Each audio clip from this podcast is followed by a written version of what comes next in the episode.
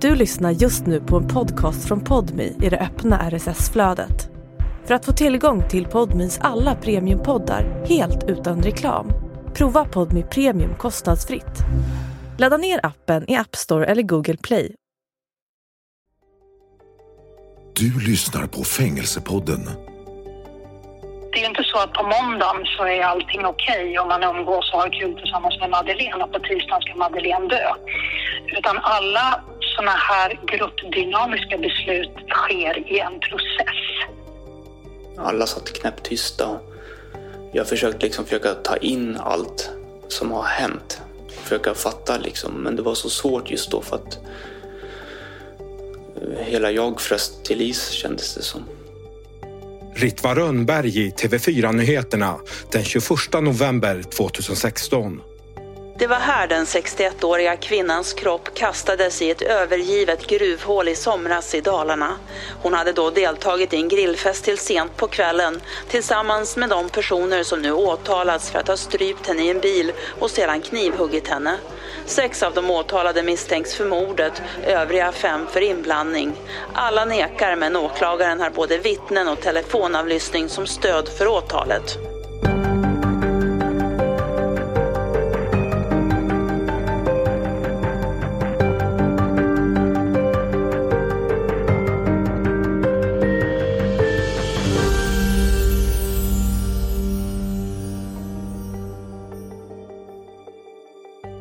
Hur känns det att ha en annan människas liv på sitt samvete? Hur hanterar man en livstidsdom och en utsikt som består av en fängelsemur? Varför begicks de bestialiska gärningarna och finns det en fortsättning efter fängelseåren? I den här programserien träffar vi fångarna på Sveriges tyngsta anstalter. De vi pratar med är dömda för mord, rån och knarkhandel. I hjärtat av södra Dalarna, fyra mil från Bålänge, ligger Rällingsbergs nedlagda gruva i Långshyttan. Det som nu återstår av gruvindustrin, många år efter nedläggningen, är ett vattenfyllt gruvhål. Tidigt på lördagsmorgonen, den 2 juli 2016, gör polisen ett makabert fynd på platsen, nämligen en avliden person. Det är Madeleine, en 61-åring från Bålänge som varit försvunnen en tid. Ett helt kompisgäng från Dalarna tas in till förhör. Sammanlagt är det 11 personer som ställs inför rätta. En av dem är den då 21-årige Borlängekillen Daniel Wiberg Wahlgren. Han döms för mordet på Madeleine och får 16 års fängelse.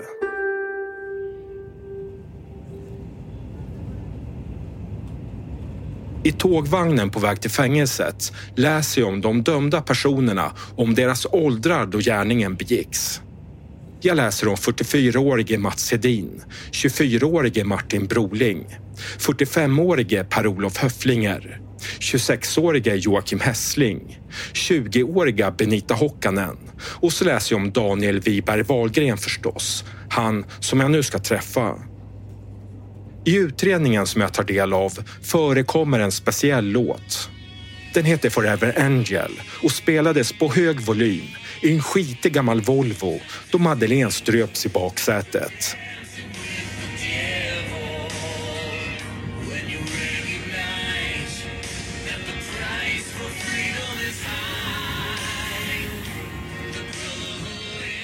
I tågvagnen skickar jag ett meddelande till Benita Hockanen, hon som fick 12 års fängelse för samma mord.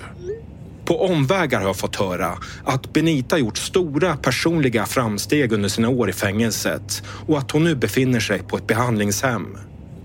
Vad anser Benita? Är domen mot Daniel korrekt? Eller är han kanske oskyldigt dömd, som han själv påstår i sina brev till mig? Benita är snabb på att svara. Då ska vi se då. Det är två nya meddelanden. Det är Benita som skriver. Ska vi se här vad hon skriver då. Nej, han var inte oskyldig. Eh, där tar meddelandet slut, men så finns det ett till. Då skriver Benita att men han var inte den som gjorde allt, utan vart meddragen, vilket han egentligen inte borde ha blivit. Och samma gäller mig också.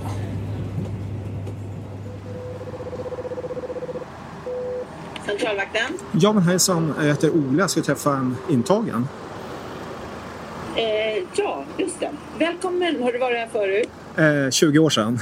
Ja, men rakt fram till den orangea dörren då. Yes. Varsågod. Tack.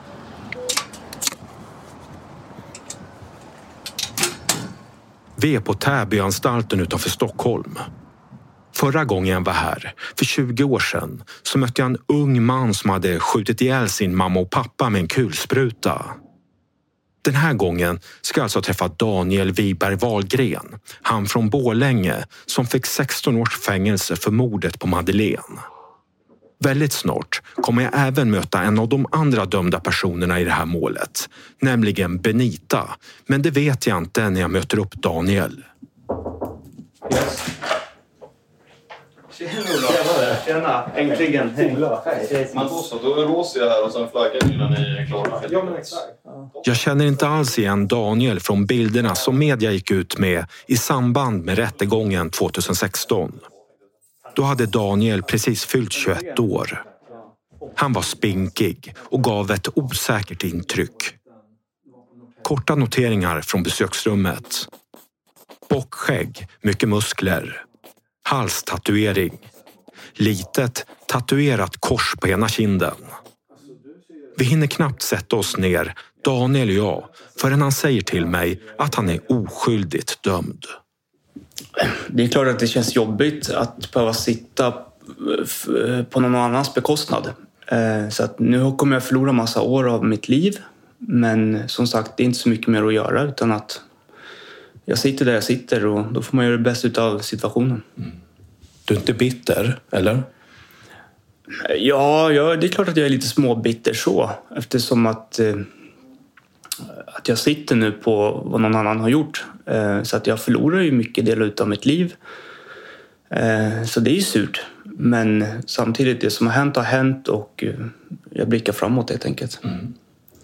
Har du gjort något bra med de här åren då, bakom murarna? Ja, det har jag gjort. Jag har studerat mycket. Eh, gjort det jag ska göra, tränat, hållit igång. Eh, så att eh, någonting bra har jag gjort. Just i början kändes det väldigt tungt. Men nu har det blivit som en... Jag kan inte säga acceptans, för jag kan inte acceptera det som hände. Men samtidigt så, för att få mina dagar att gå här inne och så där, så måste jag hålla huvudet uppe liksom och, och få tiden att gå och göra det bästa av möjligheterna. Till exempel att studera och sådär. Ja, vad gör du på dagarna? Just nu håller jag på i produktion. Vi håller på och syr lite och sådär till kriminalvården. Ehm, Sen tränar jag en del. Ehm, Umgås med andra interner. Ehm, Ja, Hur är det i cellen då? ja men det är helt okej. Ehm, Nu för tiden så är det mycket platsbrist. Så de börjar med dubbelrum och sådär. Men eh, jag har fått enkelrum nu i alla fall så det är väldigt skönt. För det är viktigt att man, man får sin egna tid. Har du några besök? Ja, familjen kommer och besöker mig ganska ofta. Mm, gör de. Så vi har väldigt bra kontakt. Eh, Så det är jag väldigt glad över. Att eh, våran, våran, våran kontakt har blivit ännu starkare än vad den var tidigare. Liksom. Eh, Så du har familj som väntar på dig där ute? Ja, det har jag. Och det är jag jätteglad över att jag har. Anstalten som vi befinner oss på ligger inklämd mellan Roslagsbanan och E18. Daniel har bara varit här i några veckor. Tidigare satt han på fängelset i Halmstad. Dessförinnan på Skänningeanstalten. Ännu längre tillbaka, i början av straffet, satt han på den hårdbevakade Norrtäljeanstalten. I besöksrummet känns det nästan som att tiden stannat. Här finns två fåtöljer, en klocka på väggen och ett litet fönster. Utanför då? Vad finns där ute? Ja, där finns vanliga livet. Men som sagt, jag har ju varit borta så länge från livet så att jag har ju, jag har ju blivit trygg här inne på något sätt, konstigt sätt. Och där ute, 50 meter bort, en järnväg. 50 meter bort åt andra hållet, en motorväg. Alla är på väg någonstans. Precis. Men du sitter här. Ja, exakt. Det, det är jättetragiskt. På Täbyanstalten sitter ett 50-tal fångar. Daniel och hans fall, det så kallade gruppmordet i Långshyttan, är antagligen det som fått mest uppmärksamhet. Fallet har tagits upp i poddar och tidningsartiklar och tv-program. Intresset för Daniel är stort. Det är ju klart att det har varit mycket spekulationer angående vad media har skrivit och sådär. Och det är därför jag är här idag, för att kunna förklara min bild av det hela. Ehm, hur... Eh, Finding your perfect home was hard, but thanks to Burrow, furnishing it has never been easier. Burrow's easy to assemble modular sofas and sectionals are made from premium, durable materials, including stain and scratch resistant fabrics. So they're not just comfortable and stylish, they're built to last. Plus, every single Burrow order ships free right to your door. Right now, get 15% off your first order at burrow.com slash ACAST. That's 15% off at burrow.com slash ACAST. Say hello to a new era of mental health care. Cerebral is here to help you achieve your mental wellness goals with professional therapy and medication management support. 100% online. You'll experience the all new Cerebral Way, an innovative approach to mental wellness designed around you. You'll get a personalized treatment plan from a therapist, prescriber, or both in a safe and judgment free space. Your cerebral therapist or prescriber will outline a customized plan with clear milestones along the way so you can get to feeling your best. With Cerebral, you're not alone in your mental health journey. We're here to empower you to live a fulfilling life. So take that first step towards a brighter future and sign up today at cerebral.com slash podcast and use code ACAST to get 15% off your first month. Offer only valid on monthly plans. Other exclusions may apply. Offer ends July 31st, 2024. See site for details.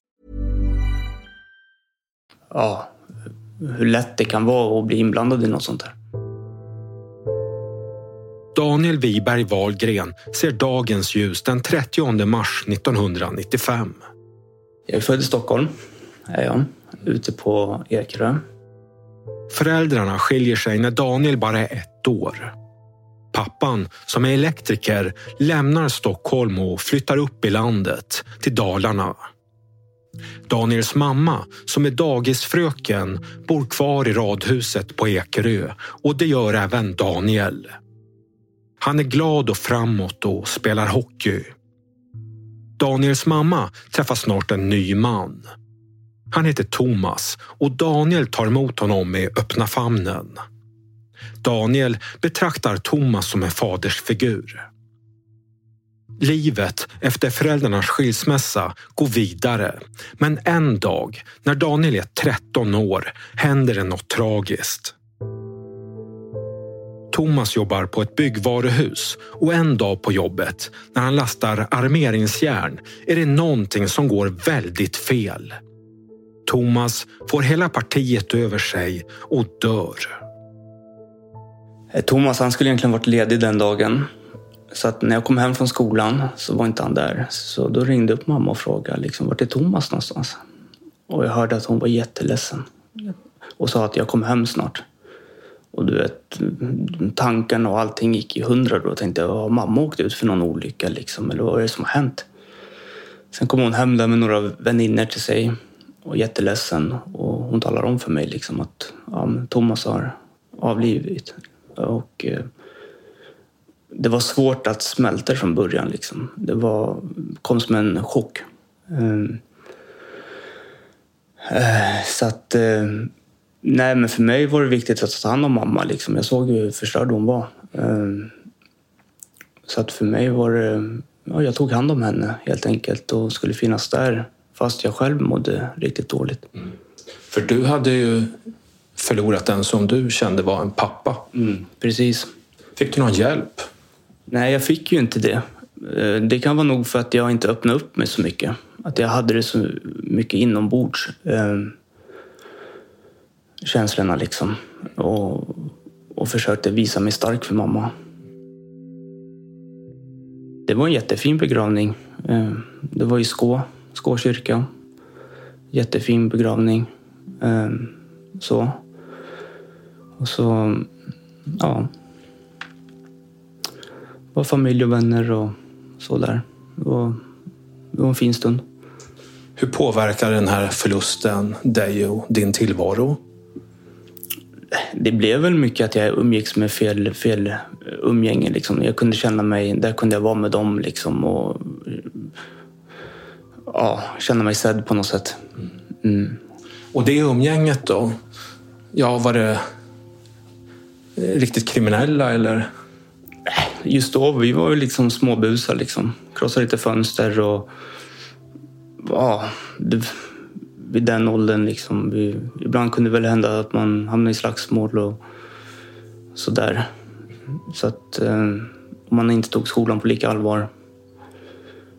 Alkoholen började komma in i bilden. Eh, ja. Daniel är på glid i Stockholm. Fram till nu har han spelat hockey, varit en hängiven AIK-are och gått under smeknamnet Gnagaren. Nu lägger han hockeyklubban på hyllan och han skaffar stökiga vänner. Något som oroar hans mamma och pappa. De kommer fram till att Daniel måste lämna Ekerö och Stockholm. Sen flyttade jag upp till eh, Dalarna sen när jag var runt 16-17 år där. Mm. Eh, för att göra en förändring av mitt liv. Vad hade gått snett då? då?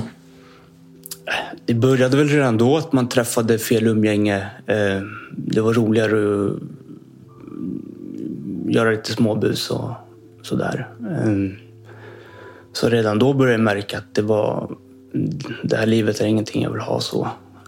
Så att min pappa hade flyttat upp till Dalarna. Så att då flyttade jag hem till honom ett tag för att ja, ändra min livsstil. Mm. Hur var det att komma från Stockholm då upp till landet i princip? Ja, det var, det, det var en stor omställning var det, eh, på mycket. Till en början infrias förhoppningarna om att Daniel ska få rätsida på sin tillvaro. Han skaffar nya vänner och han får ett jobb. Framtiden ser ljus ut för Daniel. Jag jobbade på ett bussgarage, eh, nattpass. Eh, så det höll jag på med. Innan det så höll jag på med rivningsarbete mm. lite grann. Eh, men just det där buss, då var det från sex till fem på morgonen liksom mm. jag jobbade. Så det var bussar och så. Nu trivs Daniel riktigt bra i Bålänge. Däremot kommer det snart inträffa ett möte som kommer få oanade konsekvenser. Alltsammans börjar med en krogrunda på stan. På ett sunkak ser Daniel ett högljutt sällskap vid ett bord och han slår sig ner på en stol. Det skrattas och skojas och sent på kvällen, när stället ska stänga, byts det telefonnummer. Jag träffade dem. De verkade vara glada och trevliga. Liksom. Ehm, men sen jag märkte att de, det var mycket trash talk. Liksom att de de sa att ja, men jag ska slå den personen nästa gång jag ser den och, och sen så dök den personen upp och så var de bästa kompisar helt plötsligt. Så att för mig så, eh, mycket av de, det de sa eh, tog jag inte till mig för att jag vet att det var någonting som de inte menade. Jag hamnade bland fel umgänge helt enkelt. Några som inte jag eh, kände liksom helt utan att jag visste vilka personerna var. Mm. Hur kom det sig då att du sökte just till de här personerna? Grejen innan i mitt liv så har jag levt lite struligt och alltid haft eh, fel umgänge med mig. Ehm, så att när jag flyttade upp dit så var det ett sätt för att bryta det gamla mönstret och börja om på en ny kula. Mm. Ehm, men sen så... Det var lätt att hitta tillbaks till det där. Så att, eh, ja, jag träffade de personerna där ute på krogen. Liksom. Mm. Eh, de var väldigt tajta med varandra. Eh, det jag visste då var att de bodde ju ihop med varandra. Visste jag ju. Men jag kände dem väldigt ytligt. Så det jag visste om dem helt enkelt, det var att de var arbetslösa och att de bodde tillsammans i en, en, en lägenhet, en två eller någonting sånt där. Mm. Men du på något sätt sögs in i deras gemenskap? Ja, men det blev lite så när man var där att man, som sagt, det är en liten stad. Alla, alla känner alla på något sätt. Så att när man kom dit och de sa ah, “tjena, är ni här?” liksom, och det var...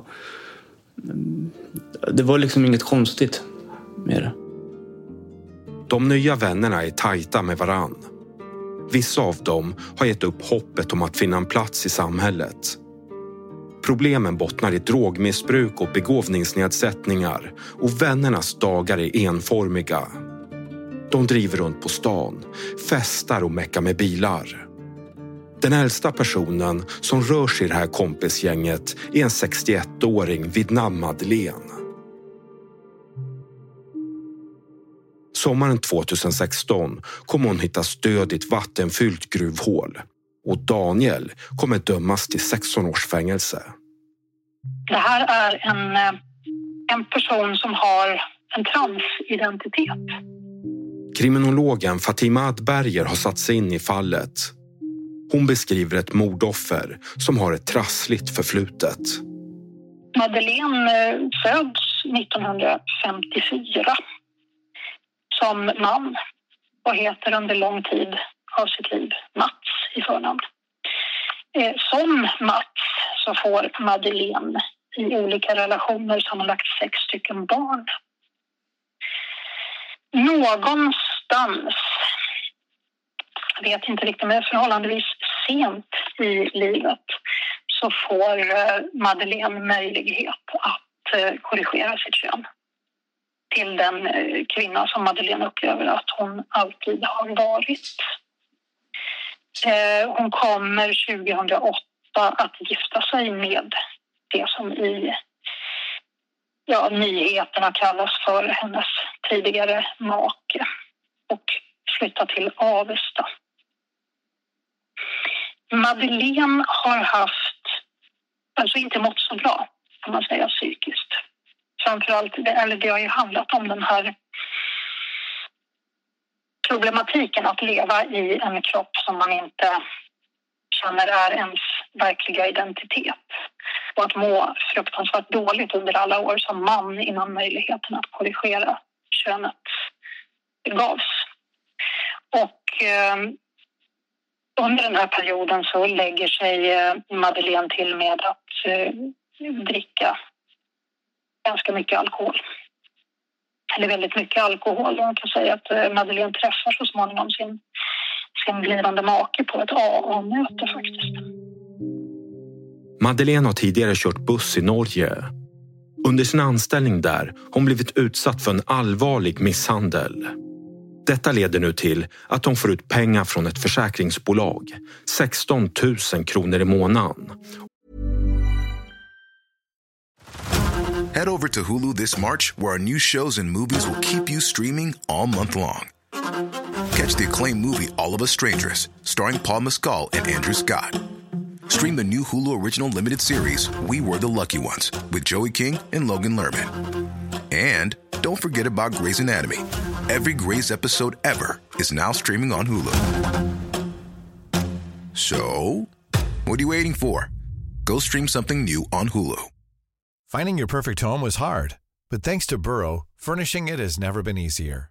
Burrow's easy to assemble modular sofas and sectionals are made from premium, durable materials, including stain and scratch resistant fabrics. So they're not just comfortable and stylish, they're built to last. Plus, every single Burrow order ships free right to your door. Right now, get 15% off your first order at burrow.com slash ACAST. That's 15% off at burrow.com slash ACAST. Och i april 2016, alltså två månader innan hon hittar stöd, får hon ut 400 000 på en försäkring till följd av en husbrand. Jag träffade ju Madeleine två gånger tror jag.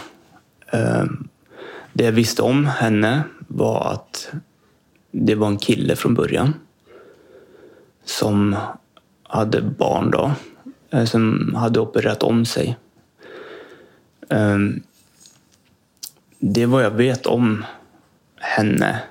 Ehm, Jag hade inte, för jag kommer ihåg att jag gick förbi en krog. Då satt de, jag vet att hon var alkoholist också. Och jag hälsade bara normalt liksom. Hej, hej. Så. Sen har, var det inget mer med det. Vad, vad kände du för henne? Eller vad tyckte du om henne? Jag, alltså jag, jag tyckte väl ingenting. Eh, helt enkelt. Jag hälsade vanligt liksom. Eh, och sa vad jag hette. Och sen var det bara inget mer med det. Madeleine bor i en liten enrummare i Domarvet, en stadsdel i Bålänge. Fastigheten ligger bara några stenkast från ett stålverk som ägs av SSAB. Jämfört med de yngre kamraterna är Madeleine rik. Hon lånar ut pengar till Martin Broling, Per-Olof Höfflinger och Joakim Hessling. I ett anteckningsblock har Madeleine en skuldlista. På den finns namn och specifika belopp på pengar som hon lånat ut. Skulderna är på sammanlagt 100 000 kronor. Vi hör Per-Olof Höfflinger i rätten. Jag har betalat tillbaka lite grann och sen vad heter det, har jag lånat ändå mer. Jag ska köpa en sak. Ja. ja. Men skulden är uppe i 7 800 kronor. Hade, hade ni gjort någon avbetalningsplan eller någonting? Nej, hon sa att det var en hedersskuld. Hedersskuld? Ja. Vad, vad menar hon med det då? Det vet jag faktiskt inte. Hur förstod du det då? Att jag kunde betala tillbaka sen. Okej. Okay. Jag har bara min sjukpension att leva på. Ja, inte just för tillfället. Istället för att reglera sitt lån till Madeleine köper Per-Olof droger för sin sjukpension. Även de andra vännerna är dåliga på att betala tillbaka och det stör Madeleine. Enligt vissa rykten i kompiskretsen överväger nu Madeleine att skicka mc-folk på Per-Olof Höfflinger och Joakim Hessling. De tar ryktet på allvar och blir väldigt rädda. Martin Broling och Joakim Hessling, även kallad Jocke, börjar nu prata om hur man ska få bort problemet Madeleine. Inledningsvis pratas det om att hon ska kvävas eller dränkas. Lite längre fram att hon ska slås ihjäl med en yxa. Fatima Adberger.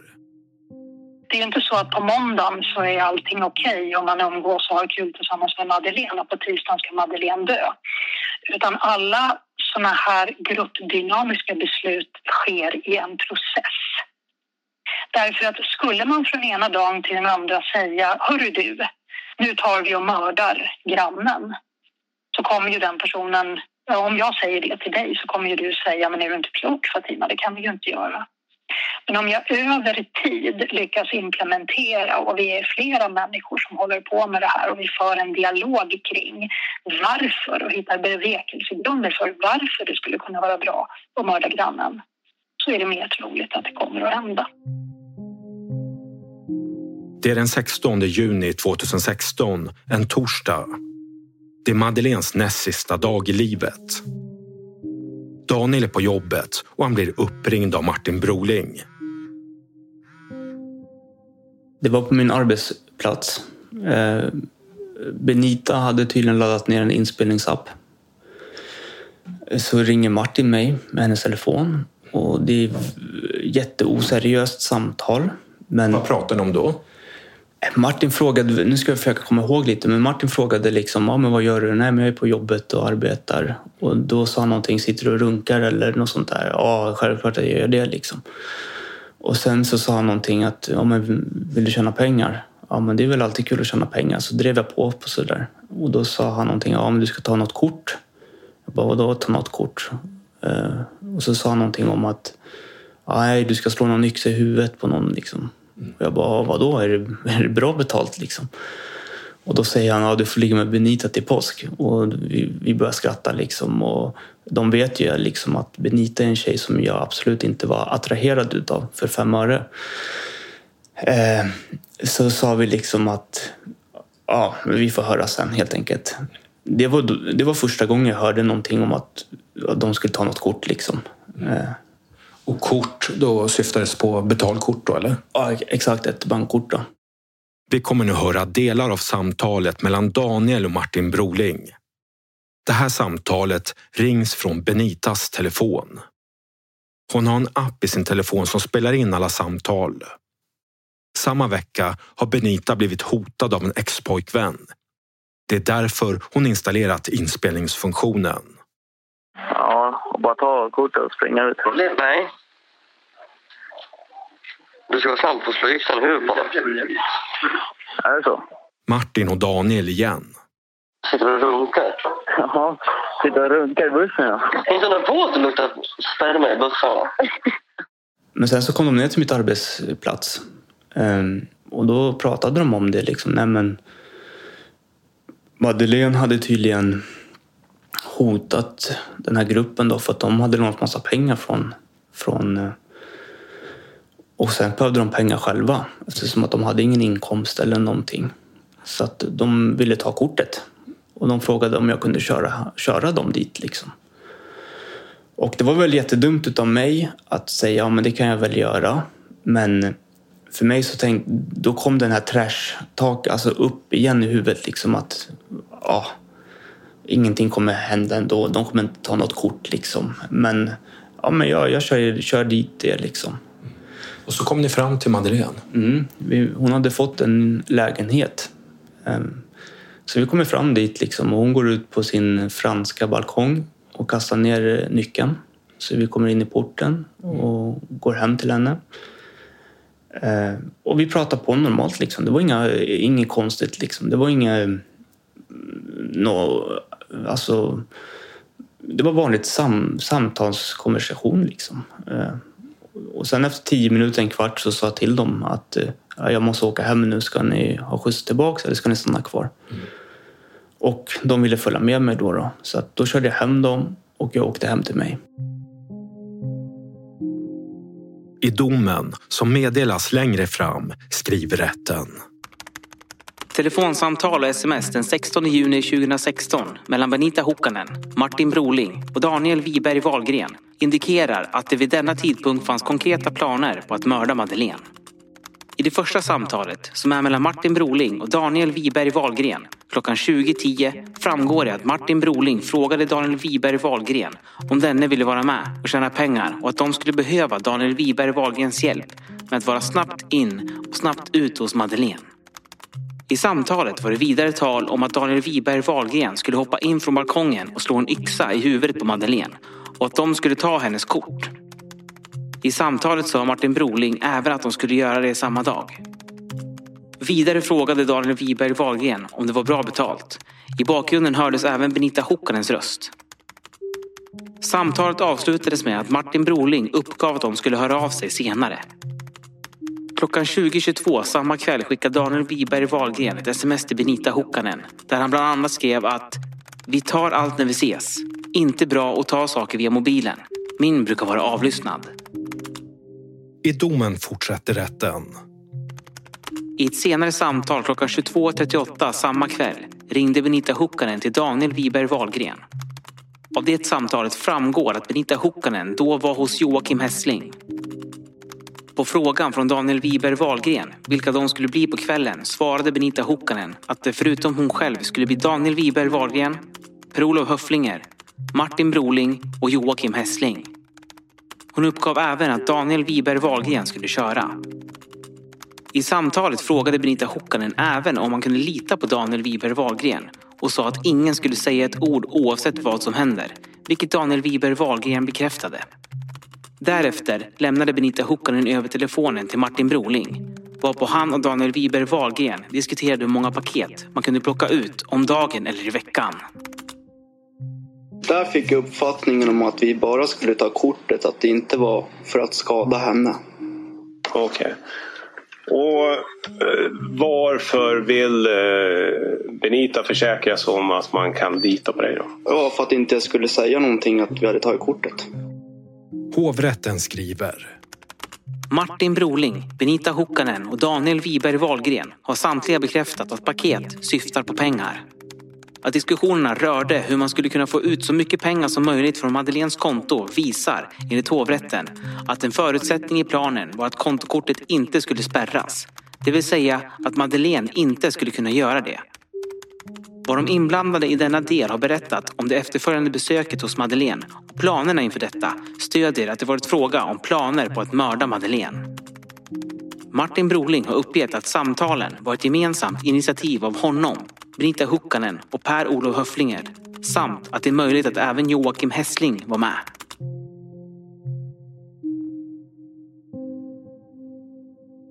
Madeleine blir inte utsatt för någon våld den här natten. Kamraterna har inte ens med sig någon yxa. Madeleine blir inte heller av med sitt kontokort. Kvällen efter däremot, fredag den 17 juni, kommer hon strypas i baksätet i en Volvo. Sen kommer hon få sin hals avskuren. Slutligen kommer hon dumpa sitt vattenfyllt gruvhål inlindad i svarta plastsäckar. Den 17 juni ringer Per-Olof till Madeleine och frågar henne om hon vill följa med på en fisketur. Madeleine tackar nej. Det här samtalet görs klockan 12.19. Två timmar senare ringer Per-Olof tillbaka till Madeleine. Han frågar nu om Madeleine vill följa med samma kväll på en grillfest utanför Säter. Det vankas öl och färdigmarinerade flintastekar i Myggtjärn som ett vackert naturreservat i Dalarna. Det här erbjudandet tackar Madeleine ja till. Mellan Per-Olofs och Madeleines två samtal går någon av kamraterna ut på nätet. Man söker på citat “Hur gör man det perfekta mordet?” Lite längre fram, i det som kommer att bli en mordrättegång, kommer Per-Olof att erkänna för rätten att han ringt samtalen till Madeleine och att han försökt lura med henne ut. Jag frågade först om hon ville följa med ut och fiska. Men det ville hon inte, för det regnade den dagen. Och sen ringer jag upp igen och frågar om hon vill följa med och grilla. Men du ringde och... Ja. Nej, Jag skäms över att jag ringde. Riktigt ordentligt.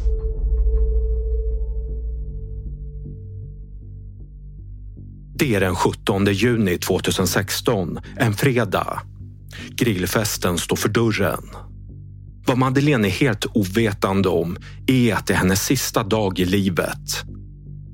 Mitt på dagen åker några av vännerna till köpcentret Kupolen. Klockan 15.39 köper man en flagglina inne på Byggmax.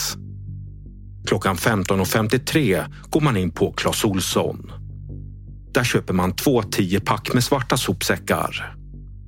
I köpcentret köper man även grillkött och öl och en fällkniv. Efter inköpen hämtar man upp Madeleine utanför hennes bostad. Färden går mot Myggtjärn, naturreservatet. Vad var det egentligen som hände den där sommardagen? Det här är Daniels version.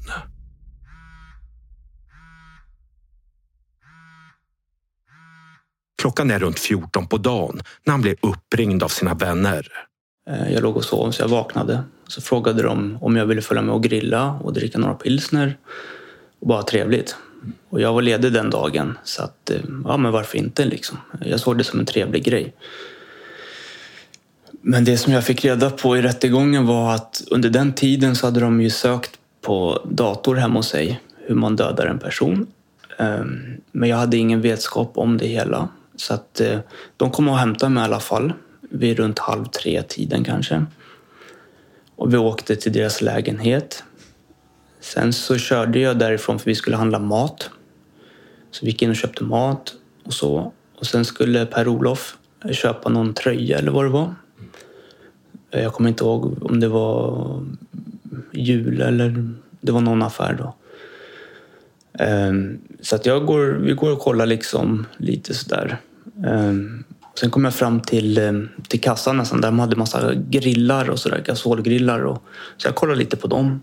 Så, sen kommer han till kassan och då ser jag att han har köpt en, eh, en fällbar kniv och eh, ett långt eh, rep liksom. Men det var ingenting som jag tänkte på eh, vad han skulle det till. Eh, utan att han köpte det och ja, vi gick till bilen. Ehm, sen gick de in på bolaget, köpte lite eh, alkohol. Och eh, vi åkte tillbaka till lägenheten.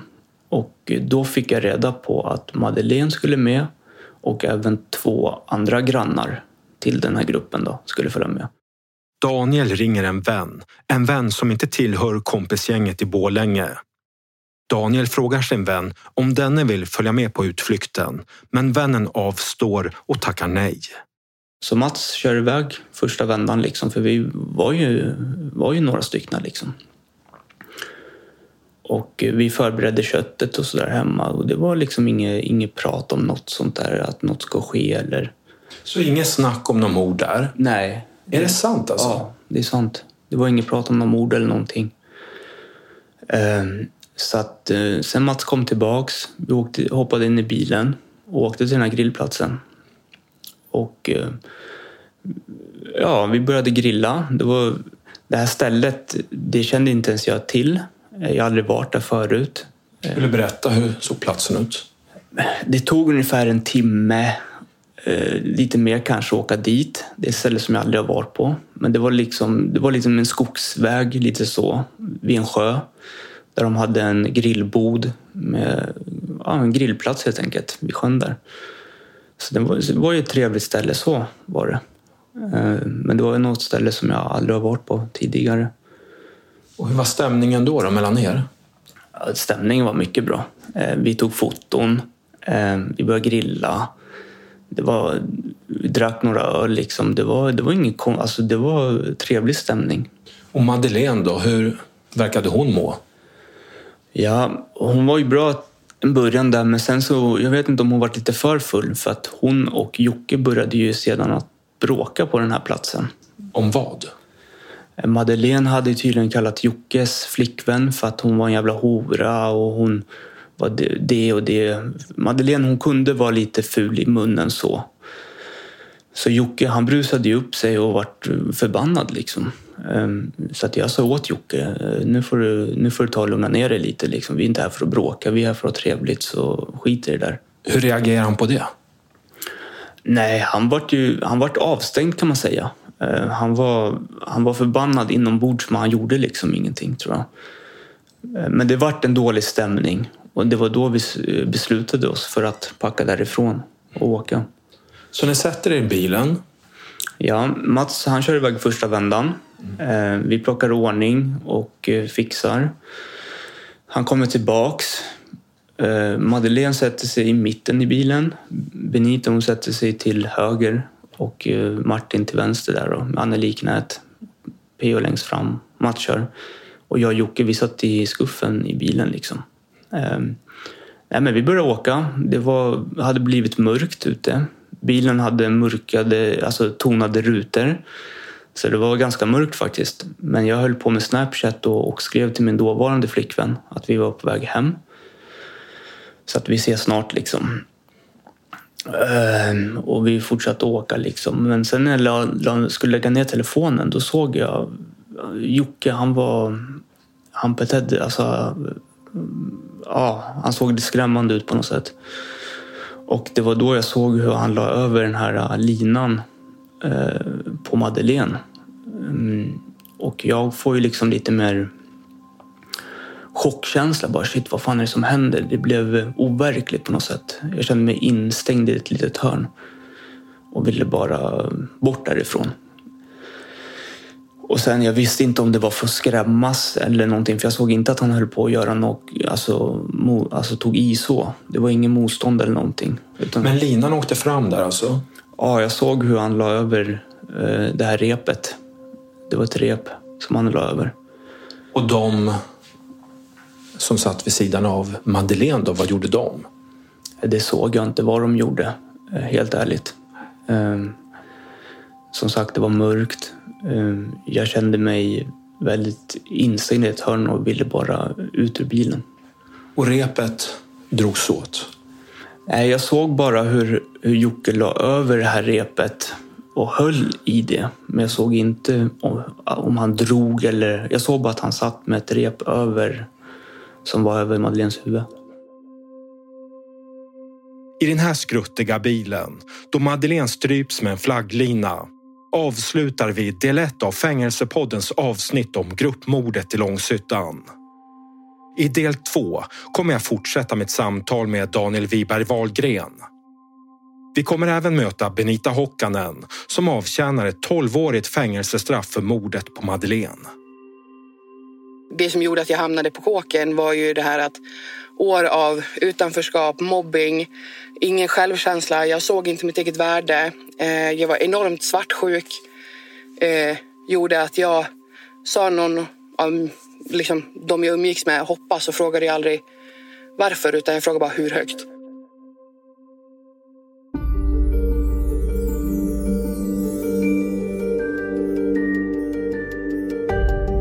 Du har lyssnat på Fängelsepodden. Intervjuare Ola Lagerström. Ljudbearbetning Emil Drugge på Drugge Sound.